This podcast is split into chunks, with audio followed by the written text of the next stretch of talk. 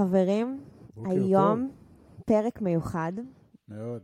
ואנחנו הולכים לדבר היום על ליבת הזוגיות של התא המשפחתי. אנחנו מאמינים שהתא המשפחתי הוא יחידה כלכלית שחייבת להיות רווחית כל הזמן. משפחה שהיא במינוס היא מש- משפחה שנתונה לסכנות משמעותיות בעידן המודרני, וניהול נכון של תקציב המשפחה זה אומנות, אוקיי? וכששני בני הזוג אה, מעורבים, זה רק יכול להצליח. הזמנו את אה, דוקטור מיכל צוקר, שהיא מטפלת זוגית ומשפחתית, היא מייסדת בית ספר נמש אה, למקצועות המשפחה, ורצינו להציג מולה את הנושאים שאנחנו כל הזמן שומעים, ריכזנו את זה לשאלות מאוד מרכזיות, ומאוד נשמח לשתף אתכם בהן. אז אה, מיכל, ברוכה הבאה. בוקר טוב, מיכל. שלומך. בוקר טוב, איזה כיף להיות כאן, תודה.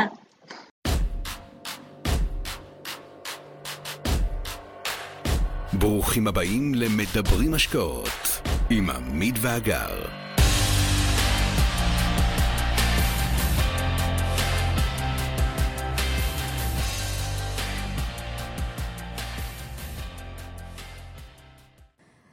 חברים, היום פרק מיוחד, מאוד.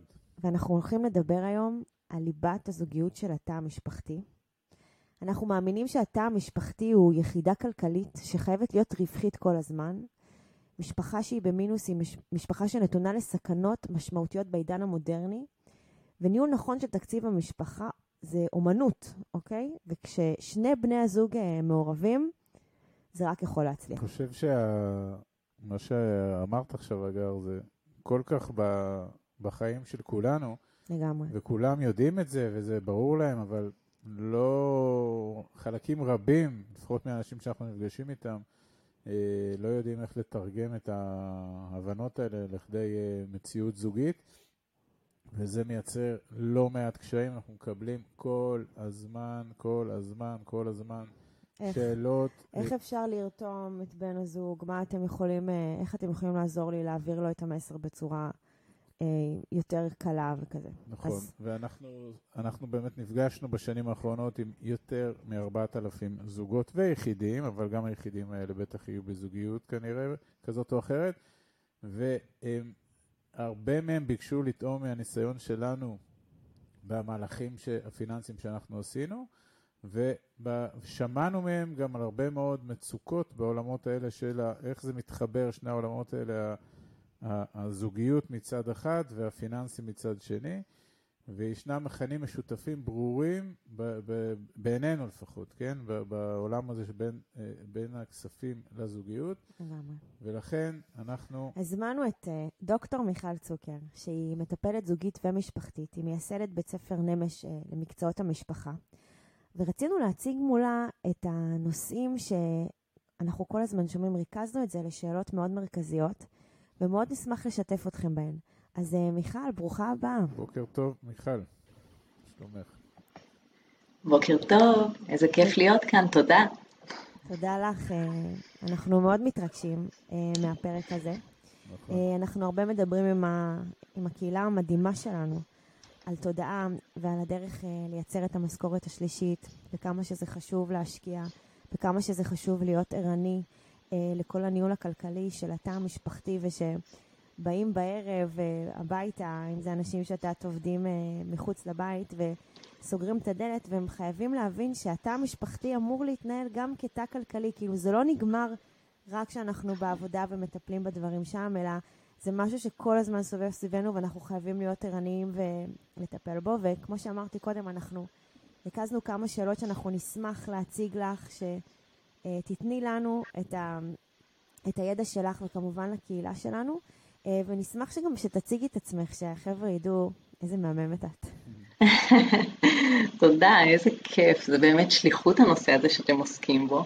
אה, אני מטפלת זוגית ומשפחתית כבר 13 שנה, אה, ויש לי קליניקה ברמת גן ואני גם עובדת בזום, אז אני באמת פוגשת המון זוגות שמתמודדים עם, אה, עם קשיים בזוגיות, אבל הרבה פעמים זה מתערבב עם העניינים הכלכליים מאוד. גם בבית הספר שלי אני מלמדת אנשים שחולמים להיות מטפלים, קורסים בייעוץ זוגי וקורסים בייעוץ משפחתי, וגם שם אנחנו מתעסקים הרבה בסוגיות האלה, כי זה מתערבב בהכל, זה מתערבב בהורות, זה מתערבב בזוגיות, זה, ההפרדות הן לא תמיד ברורות. אני הרבה עובדת בקליניקה עם זוגות או משפחות מורכבות. אה, זוגיות אה, לא מונוגמית, זוגיות אה, להט"בית, משפחות פרק ב' שיש הילדים שלי, הילדים שלך, הילדים שלנו, שאז זה נהיה עוד הרבה יותר מורכב. אז, אז אני גם מלמדת את זה וגם נפגשת עם זה בקליניקה, זה סוגיות מורכבות ואנשים צריכים עזרה, אז איזה כיף שיש אתכם. אנחנו, אנחנו לגמרי שם, כי התחלנו בדיוק בנקודה הזו, גם, גם של פרק ב' של ילדים שמגיעים מסבב א' ונכנסים לסבב ב', ובאמת, איך אתה מחליט שאתה מסתכל על כל הדבר הזה כיחידה הוליסטית אחת. וזה כבר ממש. משנה, זה כבר משנה את כל האסטרטגיה המשפחתית. כאילו, אתה כבר מנטרל רעשים שלא, מש... שלא מפריעים לך על המשך הדרך. אתה אמור לנטרל הרעשים. כן, לא, אני נותנת... ובדרך כלל לא. זה שהגר ידע לנטרל זה חלק מה, מהסיפור, אבל אנחנו, לנו יש ילדים, גם שלי, מסבב א' וגם שלנו משותפים. זה לעולם לא היה איזשהו אירוע, כמו שאת אה, תיארת, שהוא אישו, אבל, mm-hmm. אבל מעבר לזה, הרבה מאוד זוגות שמדברים איתנו, אז אנחנו גם רואים בעיניים שלהם, והם גם הרבה פעמים שואלים אותנו, אבל איך, איך זה אצלכם, איך זה עובד? ו- נכון. ואנחנו לפחות מאמינים שיש לנו, שאנחנו פשוט משדרים את הדברים האלה על תדר מאוד מאוד דומה, על סף הזה, ולכן זה איזשהו מכפיל כוח. אבל לא אצל כולם זה ככה, וזה לא אומר שזה לא יכול להצליח.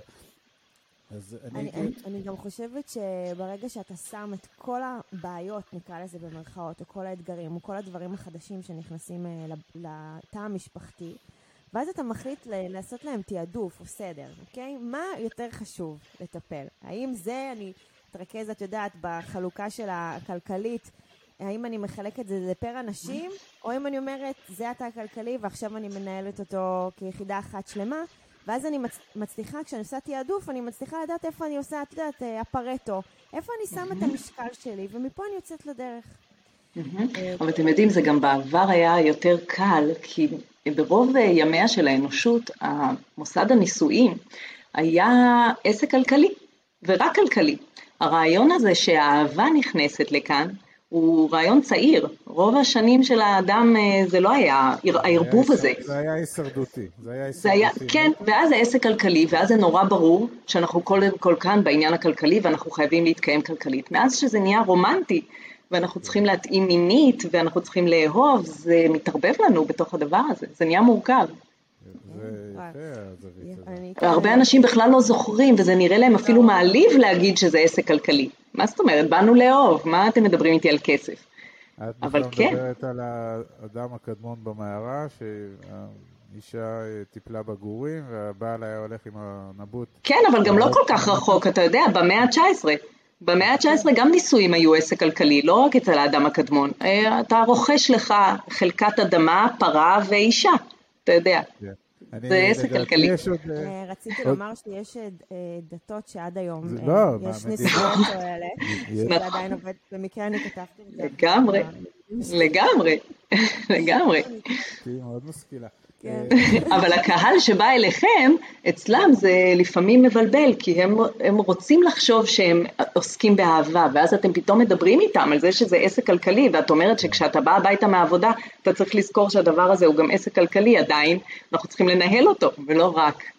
אני אומרת את זה כי זה היה הרגע המכונן שלנו, שהבנתי שאני באה הביתה, זה, זה לא נגמר, אלא... זה לא נגמר. זה ממשיך, זה ממשיך. כאילו... זה ממשיך. כל התהליך היה שאני אמרתי לעמית, אני לא מבינה, אנחנו נוסעים לעבודה מאוד טובים, מאוד מצטיינים, מאוד בלה בלה בלה, ואז אני באה הביתה, אני כאילו, מה, אני שוכחת שיש, שיש את הדמות הזאת, שהיא, למה היא לא טובה לבית? ואז איך אני עושה שאני מביאה את כל התכונות האלה אה, פנימה, להאוסולד, מה שנקרא. לגמרי. הייתי רוצה לשאול, להתחיל בשאלה באמת עד כמה, כי נגעת בזה, אבל עד כמה הסוגיות הכלכליות הן גורם מכשיל או משבש או מערער מערכות זוגיות. כן. בפרספקטיבה שלך, כמי שרואה הרבה מאוד זוגות ומן הסתם שומעת כן. את ה... אז, אז, אז קודם כל מאוד מאוד מאוד, מטפלים זוגיים פוגשים בלי סוף את הנושאים הכלכליים, זה אחד הנושאים שהכי הרבה מביאים זוגות לקליניקה, זה נדמה שבטיפולים זוגיים מה שמתעסקים איתו זה בגידות, וזה נכון שבערך שליש מהזוגות מתעסקים בענייני בגידות, אבל כל השאר מתעסקים בעניינים כלכליים, וגם זוגות שלא באו על הרקע הזה, זה הרבה פעמים הסוגיות הכלכליות הן בעייתיות, וזה נובע מזה שכסף זה דבר מאוד רגשי. עבור רוב האנשים זה מאוד טעון רגשית. זה קשור לזהות שלנו בעיני עצמנו, זה הרבה פעמים מתערבב לנו עם, עם סיסמאות ומשפטים שגדלנו עליהם מהילדות, אתם יודעים, כסף זה מלוכלך, כסף לא גדל על העצים, כסף בא, כסף הולך, לא מדברים על כסף, זה אחד הטאבואים הכי גדולים, אתם יודעים, בחברה שלנו, זה מיניות, מוות וכסף, זה שלושת הדברים שהם לא מדברים עליהם, ממש לא מדברים עליהם במש... ברוב המשפחות, ואז אה, זה נהיה נורא מורכב, כשאת מנסה לדבר איתי על כסף, אז רגע, יש לי את, אה, פה את הקול של אבא שאומר לי שכסף זה מלוכלך, ואז איזה מין בן אדם אני, אם אני עכשיו אה, מתעסקת איתך עם זה, אנחנו נוגעים בלכלוך. כן. ואז זה ממש ממש קשה לאנשים הדבר הזה. ותגידי, מעניין אותי לך כמטפלת, איזה כלים יש לך לזה? את, את לא עוברת איתם לייעוץ פיננסי? ו... נכון. או שכן, אני לא יודע. לא, ממש ממש לא. יש, יש מטפלים זוגיים שמתבלבלים בזה, זה חשוב לדעת מה הכובע שיש לך. הכובע של יועץ כלכלי הוא כובע של יועץ כלכלי, או לשלוח אותם אליכם, אבל, אה, אבל הכלי המרכזי שיש למטפלים הזוגיים זה אהבה. ואתם יודעים שהאהבה מאוד עוזרת ברוב המקרים האלה. זוגות שנורא קשה להם סביב הדבר הזה. להכיל אחד את השנייה. לגמרי. אז, אז הדבר הזה שאתם אומרים שלכם זה היה קל, אני באתי עם ילדים משלי ויש לנו ילדים משלנו ואצלנו זה לא היה אישו, זה בזכות האהבה. זה בגלל שאתם מאוד אוהבים אחד את השני, אז הצלחתם לקחת פנימה ולעשות שם את השריר שהיה צריך כדי להתגבר על זה. כן, זה גם היה נראה לנו מאוד טבעי. אז מה שאת אומרת עכשיו זה מאוד מתחבר. כאילו, mm-hmm. זה, לא, זה לא עצר אותנו, אלא זה חיזק אותנו. והרבה פעמים במסרים, במסרים שאנחנו, תשמעי, אנחנו נפגשים גם עם uh, יחידנים, וגם עם זוגות בכל הגוונים והצבעים, וגם עם uh, זוגות שמנהלים תאים כלכליים נפרדים. אנחנו, mm-hmm. מבחינתנו, אין הבדל, אוקיי? אין, mm-hmm. אין הבדל בשום דבר, כי בסוף יש כמה מטרות, ואת נגעת בנושא שהוא הכי קשה לנו, שזה הפרדיגמות. ובאמת שבסוף כשאתה מדבר על כסף, אז אתה למעשה פועל מבורות, אתה פועל מפחד, אתה לא יודע, אה, לרוב, כמובן. כשאתה, כן. אני מדברת על אלה שכאילו קשה להם אה, לעבור את המחסום, נכון. במיוחד בבני זוג, אם מישהו קצת יותר נפתח, והיום בכלל שהתרבות הזאת של הפודקאסטים, ויש הרבה קבוצות, ויש הרבה ידע, ואנשים יכולים כאילו בבוקר, במקום אה, לשמוע, לא יודעת מה, איזושהי תחנת רדיו, בום, הם יכולים לקבל ידע ככה 45 דקות כן. מזוקק לתוך האוזן, ואז הוא נגיד או היא שומעים את זה בדרך ונפתחים לעולם חדש, אבל הם באים בערב, הוא או היא נכנסים לאותו תא, לאותו בית שבכלל עסוק עוד בארוחות ערב ובבלגן שהיה לי בחורים, ורגע איך בכלל, או אם זה מישהו שעדיין אין לו ילדים, אז הוא עסוק אה, בהישרדות. הוא, הוא עסוק בהישרדות, אם זה העבודה שטובה לי, אם אני נמצא במקום שמתאים לי, איזה שינוי. ו, ומה שאנחנו רוצים להגיד, זה לא משנה איפה אתה נמצא בחיים, אתה חייב רגע לסדר את הסדרי העדיפויות ולהבין מה עכשיו חשוב, איך אני מסתכל קדימה. אני אומרת, כאילו, אתה גם בוחן את הכאן ועכשיו, אבל אתה חייב לעשות אסטרטגיה לטווח ארוך, ולטפל בפחדים שלך. כן. אה, אנחנו רואים, אני ברשותך אני אשאל עוד שאלה, אנחנו רואים הרבה מאוד זוגות שבן זוג אחד הוא, הוא מאוד מודע ומעורב, הוא רוצה לפתח ערוצי השקעה לתא המשפחתי ולצמוח והכל, והבן זוג השני במקרה הטוב הוא אדיש, במקרה הרע הוא אפילו מתנגד לכל יוזמה ומהלך, ואז, והם שואלים אותה, ואם זה הוא אז הוא שואל אותנו על, על מה לעשות איתה, ואם זה היא, ו, והם שואלים איך, איך אני מביא אותו, את הבן זוג פנימה לתוך הדבר הזה. באמת. אנחנו צריכים אותך פה, כי אנחנו שואלים איך נכון לייצר בסוף שיח מכיל ומלמד, כן. ברור לנו שזה צריך להיות שיח שמכיל ומלמד, בסדר? אבל איך עושים כן. את זה בפרקטיקה? אוקיי, אז, אז, אז יש פה כמה דברים. הדבר הראשון זה שאותו אה, אה, בן זוג שבא להתייעץ איתכם ואומר, אני לא, אני לא יכול לעבור את המחסום, אני לא מצליח לדבר איתה או איתו, כן, כן. ולהביא את הנושא הזה בכלל. אוקיי, אז, אז אז קודם כל אנחנו רוצים שהוא יצליח להביט על הפרטנר או הפרטנרית שלו בחמלה ולא בכעס, ולהבין שהצד השני מתנגד לא בגלל שהיא לא מכבדת אותי, או הוא לא מכבד אותי, או לא אכפת לה ממני, או, אה, או היא לא אוהבת אותי, לא בגלל זה, אלא בגלל, כמו שאמרנו, הנושא הזה מאוד טעון, אולי זה פוגש אצלה איזה פרדיגמות מהילדות שלה, או שלא, מי שמתנגד, אם, אם כסף זה דבר מלוכלך, אז, אז איך אני אתעסק עם זה, או, או איזה שהן פרדיגמות אחרות, אולי קשה לה רגשית עם הנושא הזה, ולא, ולא קשור אליך. ואז אם אפשר יהיה להבין, לבוא ככה, כשאני יודעת שאני מעלה נושא שהוא נורא טעון, אוקיי?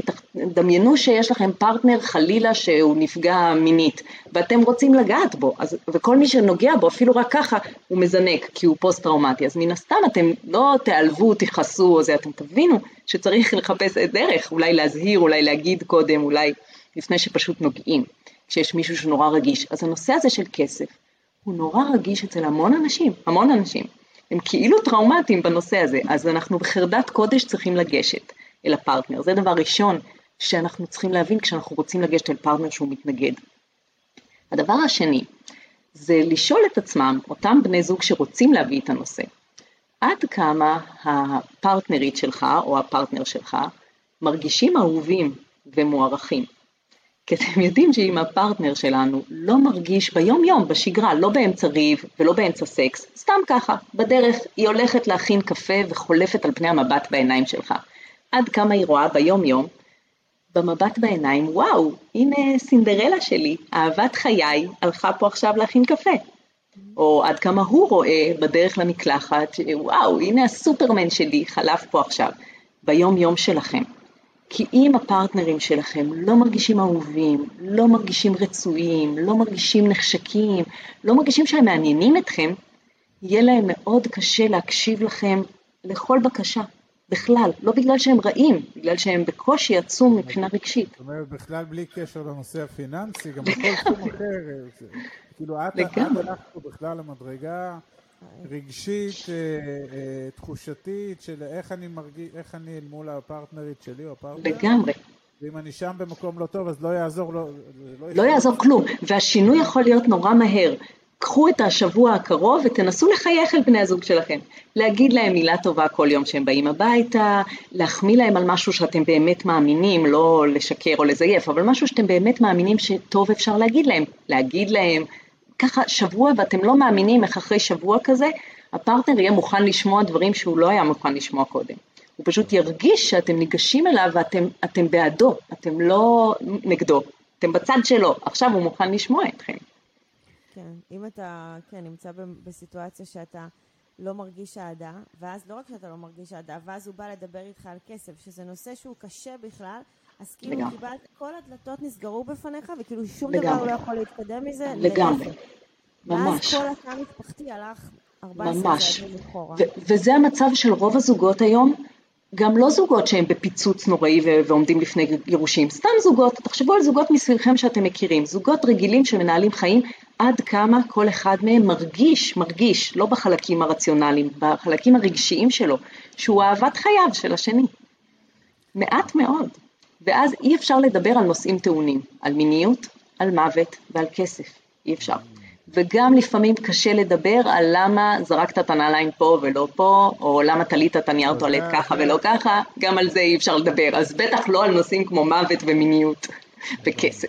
אז את בכלל אומרת, אה, זה קודם כל צריך להיות ב-level הרגשי, כשאתה מתחיל לייצב אותו, אתה יכול להתחיל, אבל אני, אני, אני מתקדם איתך רגע שלב, נגיד, והוא, הוא, היא ייצבו את ה-level הרגשי, ואז האם, גם פה, האם נכון להגיד לה, להגיד לה או לא, אוקיי, בואי נעשה טעימה קטנה. הבנו כן. את החשיבות, בואו נתחיל באיזה proof of concept, באיזה הוכחת התכנות, נלך על איזה צעד ראשון ביחד, כן. כדי לראות אם העולם הזה בכלל מתאים לנו.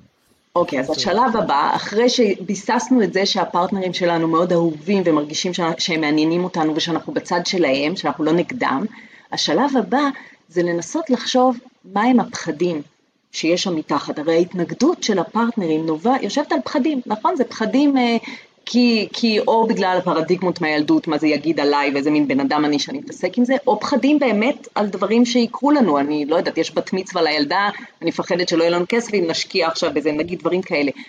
אם אני יכולה להכיר את הפחדים האלה, אז, אז באמת בשביל להכיר צריך קודם כל לבוא עם סקרנות, להתעניין, מה מפחיד את הפרטנר שם, מה יש שם, לבוא באמת עם סקרנות, ואז ללכת לחפש מענה לכל פחד. נניח אם הפחד הוא הבת מצווה, אז איך אנחנו נותנים מענה לדבר הזה, ואחרי שנרגיע את זה, אפשר לעבור לדבר הבא. או אם הפחד זה איזה מין בן אדם, אז בואו נדבר על הדבר הזה, ניתן מענה לדבר הזה, ואז נעבור לדבר הבא. אוקיי, זה... הבן זוג המוביל, אה, למעשה צריך לזהות, את, אחרי שהוא הביא את הבת זוג, לתוך הסיפור, צריך לזהות מה מפחיד, ואז לפרק פחד פחד. כן. לגמרי. שבשביל זה צריך לבוא עם הרבה מאוד סקרנות, וגם הרבה מאוד צניעות. הפחד, לבוא עם סקרנות מול הפרטנר צריך, דורשת צניעות, כי אנשים חושבים, טוב, אני יודע הכל, אני, זה עליי, למה, מה, מה את היסטרית? אני, אני על זה, ואני עשיתי את החישובים, ואני יודע. כן. לא, יש פה משהו לא. רגשי, הפחדים האלה הם רגשיים. זה לדעתי, אם, אם הוא בא בגישה כזאת, זה עוד יותר מרחיק. לגמרי. זה עושה לך, כאילו, ממש, זה גם מגמד אותך, וגם נכון. זה גורם לך להיות, אה, כאילו, את יודעת מה? טוב, עזוב, אז תעשה, תעזוב אותי, אתה כאילו כבר במילים אחרות אמרת לי, את לא מבינה שום דבר, ו... נכון, אבל גם יש להרבה אנשים צורך להקטין, כשמישהו אומר להם, אבל זה נורא, אנחנו לא נסתדר עם הבת מצווה נגיד, אז יש צורך להגיד, איזה שטויות, מה זה הבת מצווה, זה כולה זה, זה אחוז קטן, זה בכלל לא, אני מדבר איתך פה על זה ואת מדברת על זה, שזה משיג את ההפך. ברור. אם הפרטנר יוכל להגיד, וואו, צודקת או צודק, זה באמת נורא נורא חשוב, בואי נראה איך אנחנו קודם כל נושאים על זה, נותנים לזה מענה ולהגדיל את זה, להגיד זה, זה נורא ואיזה נקודה חשובה את הבאת, בואי נראה, בואי נראה איך אנחנו מטפלים בה, לא לכווץ את זה ולזלזל בזה. זה כמו הילדים שהם באים הביתה ומספרים לי סיפור. את לא תגידי לו, הוא חזר מהכדורגל ואמרו לו משהו, את לא תגידי לו, אוי, עזוב, איזה שטויות. לא, בוא, תספר לי, ומה אתה מרגיש? לא, אני יודעת. ואני אומרת לו, ומה אתה מרגיש, ואיך זה היה לך, ובוא נדבר על זה, כן. ובוא נחשוב רגע אם באמת זו הסיטואציה שהייתה, ואם היינו מתמודדים איתה נכון. אחרת. להיות איתו בחוויה רגע, ואז להמשיך הלאה. שזה לפעמים, אוי, איזה נורא, בוא חיבוק. ואז הוא יוכל להגיד, להירגע ולהרגיש שבעצם זה שטויות, שיש לו את הכוחות בתוך עצמו להתמודד, נכון. אחרי שאת תרגעת וחיבקת.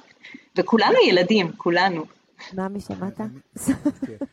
אני גם אה, נתת פה את הדוגמה של הבת מצווה שלכאורה מטרידה אותה, ואם אני הייתי הבן זוג המושך פנימה, אז הייתי אומר לה, מצוין, אז יכול להיות שהמהלכים שנעשה ייתנו לנו גם מענה לבת מצווה וגם לבר מצווה שיש שלוש שנים אחרי זה, בואי נסתכל על זה ככה.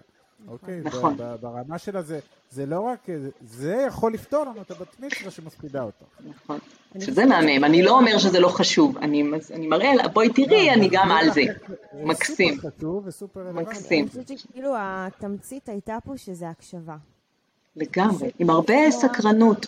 נכון, כן. לשמוע את השני ולא חלילה לזלזל, כאילו אם יש פה אמירה שהיא נובעת ממקום של פחד שגורמת לניטרול של השני, אז הוא צריך לעצור ולהבין למה, או מה, מה, מה אמרו, ואז להתקדם. לא, לגמרי, אבל אתם מבינים מה ה catch פה? כי זה לא, קודם דיברנו על זה שהפרטנר שמתנגד לא מרגיש אהוב, לא מרגיש מוערך, והוא מתנגד מהמקומות האלה. אבל בעצם גם הפרטנר שבא להציע את זה, גם הוא ברוב המקרים לא מרגיש אהוב, מוערך, מעניין, כי זה המצב של רוב הזוגות. אז אתם מבינים שגם הוא נורא קשה לו לבוא, כמו שעכשיו ביקשנו, עם סקרנות, ולהתעניין באמת, ולהגדיל את הפחד של השני. נורא נורא קשה לו לעשות את זה, כי הוא בעצמו לא מרגיש ככה. אז ואז בכלל יש פיצוץ. כאילו ההתחלה, אוקיי, בסדר, תשמעי, יכול להיות שיש... קודם לאהוב. יש אנשים ששומעים את זה עכשיו, ואולי הם מבינים כל אחד לעצמו, לא דווקא ברמה הזאת. בדיוק. עכשיו אני מבין... מאיזה לא, מקום זה בא? מאיזה מקום ש... לגמרי. זה בא גם, כאילו לא רק... לגמרי, ואז איפה המפתח שלי? המפתח שלי זה להתחיל ראשון, כי מי שמתחיל לחייך, להגיד מילים טובות, לאהוב, זה מביא גם את השני לעשות את זה. זה המפתח שלנו, לאהוב זה המפתח. ומה שאמרת עכשיו זה, זה מחבר אותנו לפחות לסוגיה הבאה שאנחנו בהחלט מזהים, שהיא גם בעיניי בעיני מאוד אופטימית, שאנחנו רואים שוב מהניסיון שלנו וה, והשיחות עם הרבה מאוד אנשים, אז אנחנו מזהים אצל זוגות שכן עושים צמיחה תודעתית, שניהם ברמה כזאת או אחרת, ובעקבותיה כניסה לעולמות האלה הפיננסיים, אנחנו מזהים, הם אומרים לנו, זה מייצר להם צמיחה גם בערוצים שונים של החיים mm-hmm. בכלל. וזה מדהים, כאילו הם באו לכאורה כדי לראות איך למקסם את הכסף שלהם, ופתאום הם יבואו למיכל עם אה, פרחים ושושנים לפיצול הבא. וחלילה הם יפסיקו לבוא למיכל כי הכל יסתדר להם. לגמרי, זה, מאוד נכון, ואנחנו רואים את זה בכל התחומים. אנשים שבוחרים להיות במרחבים של צמיחה והתפתחות, בכל תחום, אם זה ללכת ללמוד משהו, אם זה ללכת בספורט, אפילו ספורט, להחליט שאני פתאום, אה, אחרי שלא עשיתי אף פעם, פתאום אני מתחילה לעשות ספורט ומתמידה בזה. אנשים שהולכים אה, ללמוד מוזיקה או לנגן, או איזשהו תחום של אנשים שהולכים לטיפול. אישי ועושים תהליכי התפתחות וצמיחה, זה נורא נורא מדבק, זה גורם לאנשים מסביבתם גם לגדול ולצמוח, וזה גם גורם, זה מכניס אנרגיה של עשייה והתחדשות ו- ו- והצלחה גם בתחומים אחרים, וגם יש כאן חוויית הצלחה. אז חוויית ההצלחה היא, היא פקטור משמעותי בדימוי העצמי שלנו, אפילו אם עשינו צעד קטן והצלחנו בו, כמו בספורט, כמו בדיאטה, כמו בהשקעות כספיות, עשינו משהו קטן ויש לנו חוויית הצלחה, זה מביא אנרגיה של עשייה. זה, תדמיינו את כל הדמויות האלה בדיסני, כשהן אה, נורא מאוהבות, נכון? אז הדמות הדונלד דאק, אז הוא הולך והוא שר והוא מדבר עם ציפורים והוא מפזר פרחים, נכון? זה גורם להיות נורא בנדיבות ובזה. כל חוויית הצלחה עושה לנו את זה. כן, אבל מה שאנחנו פה אה, מכוונים זה שההצלחה הזאת, ברגע שהיא קורית ברמה הזוגית, אז המעגלים הם, הם, הם עוברים לעוד עולמות מעבר לפיננסים. פתאום לגמרי, הם לגמרי, לגמרי. אנחנו רואים את זה בכל החזיתות, גם בהתפתחויות אחרות. בן אדם שמתחיל לעשות ספורט, קל לו הרבה יותר גם להתקדם בקריירה, לעשות איזה פתאום צמיחה והתפתחות אה, אישית טיפולית, כל מיני, זה, זה פותח עוד חזיתות. אנחנו הרבה מדברים שכאילו, יש, יש את ה, בסוף את האקשן, שזה באמת להשקיע, זה להוציא כסף ולהשקיע, אבל יש את כל התהליך התודעתי. עכשיו, הרבה אנשים לא מבינים שזה חייב להיות אינטגרלי, זה לא יכול להיות לבד. אתה לא קם בבוקר ומשקיע כסף לפני שאתה עובר תהליך, שאתה מבין מה המצפן שלך, מה השאלה שאתה שואל, למה אתה עושה את מה שאתה עושה, מה הקווים המובילים שלך. ואז אנחנו רואים שברגע שאתה נחשף ברמה התודעתית ואתה נפתח, אז כמו שאמרת, זה, זה לא רק, אוקיי, אני גם משקיע בסוף, אבל פתאום אני מדבר עם הרבה אנשים במסדרון על נושאים חדשים שעד היום לא הבנתי. פתאום כשאני שומע הרצאה, או אני מקבל את התלוש שכר, פתאום אני מבין דברים, או אני מתחיל להבין במיסים, וכאילו כל מיני נושאים שעד היום היו לי חשוכים, או הייתי אומרת, אוי, זה לא בשבילי, או זה מנהל לי את הכספים, היום אני יודעת לשאול, אני יודעת לבוא לבנק, אני יודעת להתמקח, אני יודעת מה זה ריביות, מה זה... זה מדהים. כאילו, אני, פתאום אני הופכת להיות בן אדם אחר, ו... זה בוסט לדימוי העצמי, ממש. נכון. ממש בוסט לדימוי. יש לנו לנו, תקשיבו, אנחנו מחפשים, אה, מחפשים כאילו אנשים שאנחנו יכולים לשבת ולדבר איתם על השקעות, כי... בפיננסים, בכספים. כי החברים הקודמים שלנו, הם, לא עשו צעדים לא כמונו, ואנחנו באיזשהו, הם מחפשים מיליון חדש שהוא התפתחותית, הוא, הוא שונה מאיפה ש... זה מדהים, זה מרגש נורא, זה, זה, זה, זה בוסט לדימוי העצמי, ו, ואי אפשר לדבר על הדברים האלה בלי להגיד מילה על העניינים המגדריים שנכנסים פה. כי וואו. יש כאן מאוד עניין מגדרי, בגלל שהחברה שלנו היא מאוד צבועה בדבר הזה, ועם כל הדיבורים שלה על שוויון, יש הסללה מגדרית מאוד חזקה בעניינים של כסף, נכון. ולכן אצל גברים זה הרבה פעמים מאוד... מאוד מחובר לדימוי העצמי, כי החברה מאוד מסלילה, אתה לא גבר אם אתה לא מצליח כלכלית, ואם הבית נכשל כלכלית יאשימו את הגבר, אפילו אם האישה בחלוקת תפקידים ביניהם היא ה... היא המכשילה. היא כן, או שהיא המכשילה או שזה עליה בכלל, היא לקחה את העניין הזה והוא עושה את הכביסות ומטפל בילדים, אם זה מה שהם החליטו, עדיין החברה תסתכל עליו בעיניים עקומות אם הם יפלו כלכלית ועליה לא, זה מאוד מאוד קשה העניין החברתי, הלחץ שיש על גברים, ומצד שני יש הסללה מאוד חזקה לנשים לא להתעסק בזה, לא להבין בזה, לא לזה, את פחות נשית אם את לא, אז זה ממש הסללה מגדרית של חברה, שמאוד קשה. את מה שאמרת עכשיו, אנחנו רואים אותו כ... כמשהו מובהק ברמת כן. המספרים. רוב כן. מכריע בזוגות, הגברים, זה, הגבר הוא הגורם המוביל mm-hmm. בהתפתחות הפיננסית או בחשיבה הפיננסית, והבת זוג היא לרוב הנשרפת כן. אחריו, סליחה על המילה. זה הייתה בהקטנה, כי, כי זה, זה מה שאנחנו אומרים, אנחנו חווים, אבל יש לי תמיד את הכוכבית נכון, המאוד מאוד גדולה יש הזו. יש כוכבית, נכון. יש את הנשים שהן מאוד בולטות, שהן מאוד מובילות את המשפחתי, וזה ניכר, וכשאת פותחת את הזום והזוג עולה, את לא מתבלבלת, ואת תוך שנייה מבינה בדיוק מי, מי מוביל פה את העניינים. וכמובן שלתוך זה, כאילו זה הקיצון, זה שאו האישה מאוד מובילה, או שהגבר מאוד מוביל, אבל בתוך כל זה אנחנו שמים לב שאנחנו, הדיבור שלנו, כמו שאמרנו, זה גם ליחידנים וגם לזוגות בכל הגוונים והסוגים והמינים והצבעים, זה לא משנה לנו. אנחנו מדברים ומסבירים שזה חייב להיות, כמו שאמרנו, התא המשפחתי והזוג, ואנחנו שמים לב שעולים לפגישה הזוג, איך הם מנהלים את הדו-שיח ביניהם, כאילו... זה לא שהיא שותקת והוא מדבר, או, או, או היא מדברת והוא שותק. זה כבר... נכון, אבל זה, זה מאוד מאוד חשוב מבחינתכם, בסיטואציות כאלה, להיות נורא רגישים גם לצד השני, במובן של... כי הרבה פעמים כשהאישה היא מאוד מאוד זאת המדברת, הרבה פעמים הגבר עלול לסבול מיחס בעייתי חברתי. כי הסביבה תסתכל עליו עקום. שהוא לא לוקח את המושכות ושהיא זאת שמובילה, אז צריך להיות נורא רגישים אליו, שזה מקסים ושזה בסדר ושהוא גבר גבר בעינינו, עדיין, למרות שהיא תותחית כלכלית ואיזה יופי.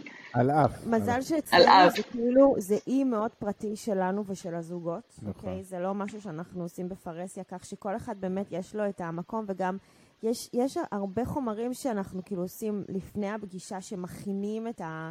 זוגות, אבל אם את כבר מדברת כאילו על ה... דיברנו כבר על הזוגות, יש איזה נושא ש...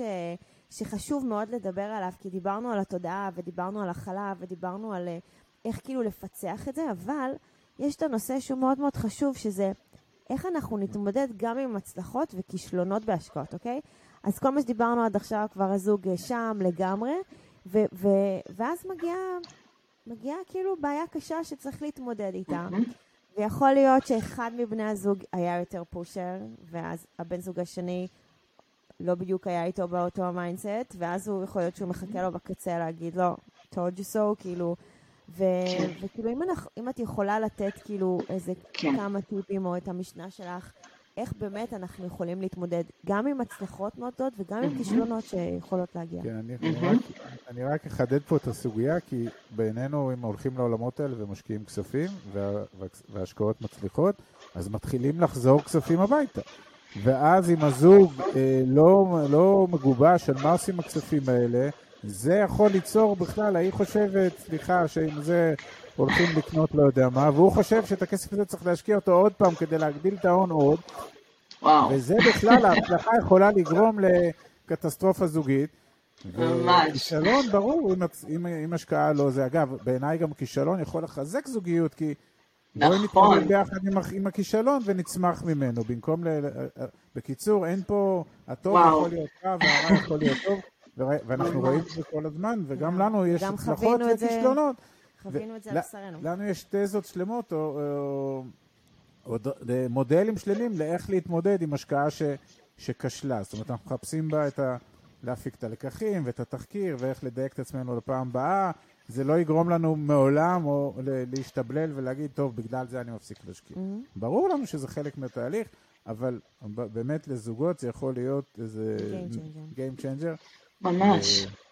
וואו, אני ממש ממש אה, הפתעתם שחיברתם גם את העניין של איך מתמודדים עם הצלחות, כי מעט מאוד יודעים את זה, אבל מחקרים מראים את זה, שלהתמודד עם הצלחות זה לא תמיד יותר קל מאשר להתמודד עם כישלונות, והרבה אנשים מתפרקים בעקבות הצלחה, גם זוגות מתפרקים, וגם אנשים בעצמם לא יודעים איך להכיל ואיך להתמודד עם ההצלחה, יש גם פחד מהצלחה. אה, ולא רק מכישלון. אז באמת יש פה התמודדות גם עם זה וגם עם זה. אמ, וזה היה מקסים שאמרת שאצלכם זה, זה לא ישר הופך אצלכם למה עושים, אה, בואו נפסיק העניין כשיש לנו הצלחה, אבל זה גם לא נכנס ביניכם למי אשם, מי אחראי, לאיזה תחרות ביניכם, אה, וזה בזכות מה שדיברנו עליו קודם, שקודם כל יש לכל אחד מכם את האמונה הבסיסית בחלקים הפסיכולוגיים הלא מודעים, שהוא רצוי, מוערך, אהוב, מעניין, רוצים אותי פה, אני בטוח במקום שלי הזוגי, ואז אני יכול לראות את הדבר הזה כמשהו שקרה לשנינו, ולא משהו שאת עשית לי, או משהו שאתה עשית לי, או גרמת לי. אז זה, אז זה אבל אנחנו רואים הרבה זוגות ש, שנורא נורא קשה להם במצבים כאלה, ואז מה שצריך לעשות, כשנגיד קורה כישלון, אמ, זה, זה, זה אם דווקא זה ש, שהיה זה שאמר, אני רוצה שהוא ישיג את השני שאומר אמרתי לך. לפני שההוא אומר אמרתי לך, אני רוצה שזה שבאמת אמרו לו, יבוא ויגיד, אמרת לי, אמרת לי, תארו לכם שהוא יצליח להגיד דבר כזה. ברגע שהוא יגיד אמרת לי, הוא בבת אחת שומט את הצורך של השני להכריז את הדבר הזה, ועכשיו השני יכול להיות קשוב למה עושים ואיך עוזרים לעצמנו לנשום כשנפלנו למקום הזה. אוקיי, אז להיות נדיבים בדבר הזה ולהגיד, כן, איזה... אבל זה נורא קשה לעשות כשאנחנו לא אהובים ומעניינים, אבל אם אנחנו אהובים ומעניינים ורצויים, זה יותר קל לעשות את זה. זה סוגיה לא, לא פשוטה. כן. אה, אבל אה, צריך, איך אומרים, גם עם זה צריך להתמודד. אה. אנחנו אגב, כששואלים אותנו את השאלה הזאת, אז אנחנו תמיד חוזרים לסיפור של הלמה. כאילו, אנחנו שואלים, אנחנו מסבירים למה אנחנו so called חסינים לכישלונות, כן? במרכאות כפולות. כי אנחנו כל הזמן חוזרים, כשיש כישלון, אז ראשית אנחנו יודעים שהוא הוא טבוע בחיים, בכל דבר שלא נעשה תמיד יהיו כישלונות, אין דבר ש... אז זה, זה נכון. level מאוד מאוד פילוסופי.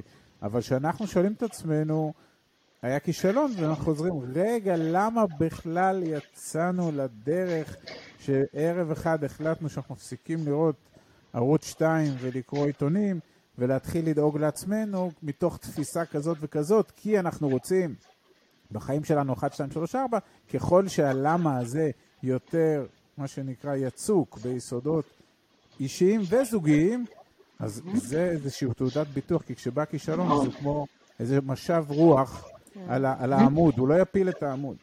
ואז באמת מזה גם הולכים לתהליך שפיתחנו, ש- של לתחקר את הכישלון ולהבין אותו, ולהבין שאנחנו ממשיכים בדרך, ולדאוג שלא יהיה כישלון דומה פעם הבאה, אז יש פה גם צמיחה. עכשיו, אבל בשלב הזה של לתקשר, רק בשלב הזה שאמרת לתחקר את הכישלון, להרבה זוגות יכול לעזור הטריק של להחליף תפקידים. להגיד שאוקיי, אני רגע אדבר אותך, את מה אני מבין שעובר עלייך עכשיו, ואת רגע תדברי אותי, כי אז אם הצד השני ישמע אותך אומר אה, את כל הפחדים שלו, כי הרי כשנפלנו לכישלון, נפלנו שוב לפחד, נכון? מה יהיה עלינו, מה יהיה על העתיד שלנו, מה יהיה, מה יהיה עם הבת מצווה? חזרנו לפחדים שלנו. אז, אז אם השני אומר, אני יודע שאתה עכשיו נורא מבוהל מזה וזה וזה, ומה יהיה, ועולות לך מחשבות שזה, אם הוא מדבר אותו, אז הוא פנוי לשמוע את הצד השני. אז להחליף תפקידים פה, לנסות לדבר אחד עם השני יכול לעזור. לדבר אחד את השני. אוקיי. אמ, תגידי, איך, אה, זו שאלה אחרונה שאנחנו רוצים לשאול, איך נהנים מהדרך, אוקיי? איך אה, בונים בכיף תהליך או איך מגבשים אה, תוכנית עבודה משותפת? מהמם. אז קודם כל, הדבר הזה של לחזור ללמה זה טריק מנצח. להזכיר לעצמנו מדי פעם, ואפשר לקבוע לוזים ביומן של כאלה חמש דקות, זה צריך להיות חמש, אני קוראת לזה מפגשי וידוא נשימה. אנחנו מוודאים שאנחנו נשימה. בטיפולים זוגיים אנחנו צריכים לוודא שאנחנו עדיין על שיעורי הבית של הטיפול הזוגי והמקומות הקשים שלנו. אבל פה, שאנחנו זוג שהוא בטוב, הוא פשוט הולך לאיזה מסע ביחד, שיש בו סיכון, אז מפגשים כאלה שאפשר לעשות אה, אה, נגיד אחת לשבוע, רגע לפני אנשים דתיים למשל, כשהם מדליקים נרות, זה יכול להיות רגע לפני הדלקת נרות של שבת, או רגע לפני משהו שאנחנו, פשוט כדי שנזכור לעשות את זה, קשור למשהו שיש לנו בלוז. ואז רגע לפני זה אנחנו באים אחד אל השני, מבט בעיניים, מה שלומך? את זוכרת למה אנחנו כאן? מה שלומך? אתה זוכר למה? אתה זוכר שאנחנו ביחד בדבר הזה? אתה נושם טוב? אני אוהבת אותך? זהו. בוא נמשיך, בוא נמשיך. מין כאלה, קטנים כאלה שמזכירים לנו את הלמה הזה, לא רק ברגעים של כישלון, אלא לאורך הדרך. ואז אנחנו עוד פעם מציתים את ההתרגשות שהייתה לנו בהתחלה, כשיצאנו למסע הזה. זה, זה, זה עוזר נכון, לנו. זה נכון גם, אה, אנחנו תמיד מדברים על החשיבות של אה, לחגוג הצלחות. זאת אומרת, לגמרי. קרה כבר משהו מוצלח, ההשקעה הצליחה, אה, הגיע תזרים כזה או אחר, אז נכון שאנחנו... אפילו קטנים. אסטרטגית, אבל בואי, בואי נציין את זה. נכון. זה, זה בדיוק אותה חשיבה, זה בדיוק אותה חשיבה, רק נלך עוד אחורה. בוא נחגוג את הדרך. איזה מרגש שאתה הולך איתי את המסע הזה. איזו מרגשת את שאת בחרת בי למסע הזה, ואת זה אפשר לעשות כל שבוע. מתי שאנחנו לנו, יש לנו בקבוצות וואטסאפ עם, ה... עם הקהילה שלנו, וכשהם משקיעים או משהו, אז הם שולחים לנו איזה גיף כזה של פרה, כי, יש, כי פרה מבחינתנו זו השקעה ראשונה. ויש לנו חברים ששולחים, הם השקיעו, ואז בערב הם אה, עושים ארוחה רומנטית, והם שולחים לנו תמונה של הנה, אנחנו חוגגים את ההצלחה, כי אנחנו, אנחנו מדברים על זה כל הזמן, אתם חייבים לת... לפרגן לעצמכם ולהרים לעצמכם, כי, כי אם לא ממש. אתם, אז מי? את מבינה? לגמרי. כל הסביבה ממש. לפעמים מכבה אותך, אבל אתה ממש. בבית כל כך כאילו מלא בעצמך ורוצה, ויש לך פשן, אז למה לעצור את זה? כאילו... ממש. ואנשים טועים לחשוב שהחגיגה הזאת צריכה להיות כשיש milestone חיצוני. כשקורה משהו מבחוץ, אז אני, אז אני חוגג את זה, שזה כמובן, זה קל, אבל אנחנו יכולים לייצר את זה פנימית. אנחנו יכולים לבוא ולהתחבק ולהגיד, יואו, אנחנו בתוך הדרך הזה, יצאנו לדרך, אנחנו במסע, ולהביא את ה vibe המתרגש, זה ממש שריר שאפשר להתרגל לעשות אותו. ואז החיים נהיים כאלה מרגשים. וואו. וואו, אני... זה היה סיומת מרגשת. ממש, אני באמת אה, התרגשתי, כי אחד יכולתי להרגיש אה, אותנו אה, בתהליך. גם קיבלנו פה ייעוץ סך הכל. כן, וגם הרגשתי הרבה מהחברים, מהקהילה שלנו, שהם משתפים אותנו, ואנחנו מבקשים מהם באמת לחגוג את ההצלחות האלה, ואנחנו מרגישים שזה עובד, אז כאילו את גם נתת לזה עכשיו פה חותמת, כאילו נתת לזה תוקף. ואז אנחנו נמשיך אה, להעביר את זה הלאה בשביל לעשות באמת הכל הרבה יותר שלם אה, לכולם. גם בהחלט נתת לנו פה אה, זווית, לפחות כמה זוויות שאני לא חשבתי עליהן עד היום, שהן כנראה מאוד מאוד משמעותיות. בעיקר הסיפור של ה... שהיא או הוא לא בפנים, כי הם בכלל באיזושהי מצוקה רגשית כזאת או אחרת בזוגיות, ואז, ממש, שזאת האמת. מלא שכותבים לנו, אחי, תעזור לי עם אשתי. כן. או תעזור לי עם בעלי. כן. תקשיבי, אני לא... ותשאל אותו מתי פעם אחרונה הוא חייך אליה. מתי פעם לא אחרונה הוא חייך אליה. אני אומר לו, כן, אני לא יודע מה לעשות. לי את אשתי, אני מבסוט איתה, אני לא יודע איך לעזור לכם ואתה מבסוט איתה כי אתה מחייך אליה. לא, אז עכשיו אני יודע מה להגיד לו. לגמרי. ואם הם לא מסוגלים לעשות את זה, אם זה קשה להם, אז חודשיים שלושה טיפול זוגי ואז שיבואו אליכם. זה כל מה שצריך. חודשיים שלושה, זה מה שזה לוקח טיפול זוגי, ואז שיחזרו אליכם, כי בלי זה זה לא יעבוד להם. אם הם לא מצליחים לבד לחייך אחד אל השני, אז זה. את אומרת, גם זה לא יעבוד להם, לא רק זה לא יעבוד להם. גם זה, כן, הרבה לא דברים לא יעבדו להם. שום החלטה, בקשה, תלונה, לא יקבל מענה. יפה.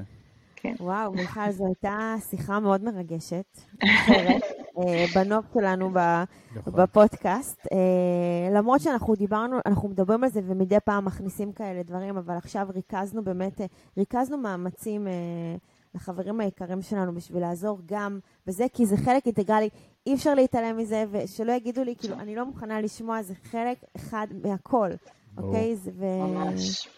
ובאמת, להגיד לך תודה, תודה על הזמן שלך ועל השיתוף. תודה לכם. וגם את תמשיכי בעשייה שלך המדהימה, שאת עוזרת באמת לכל כך הרבה אנשים ומייצרת פה מטפלים חדשים שהם אה, באמת איכותיים אה, בכל הנוף הישראלי. ותמשיכי בשלך. תודה רבה. תודה, מיכל.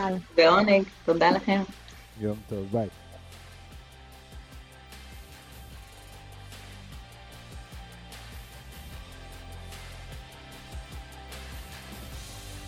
עד כאן להפעם. כרגיל, שמחנו לשתף בידע ובניסיון שלנו, מקווים שנתרמתם. מי שממש רוצה להכיר ולהיחשף להזדמנויות ההשקעה בהן אנחנו משקיעים, מוזמן לאתר שלנו, תוכלו למצוא הכל שם. אנחנו כמובן גם פעילים בכל הרשתות החברתיות, מוזמנים לעקוב אחרינו. אם אתם מכירים אנשים נוספים שהתכנים שלנו יכולים לסייע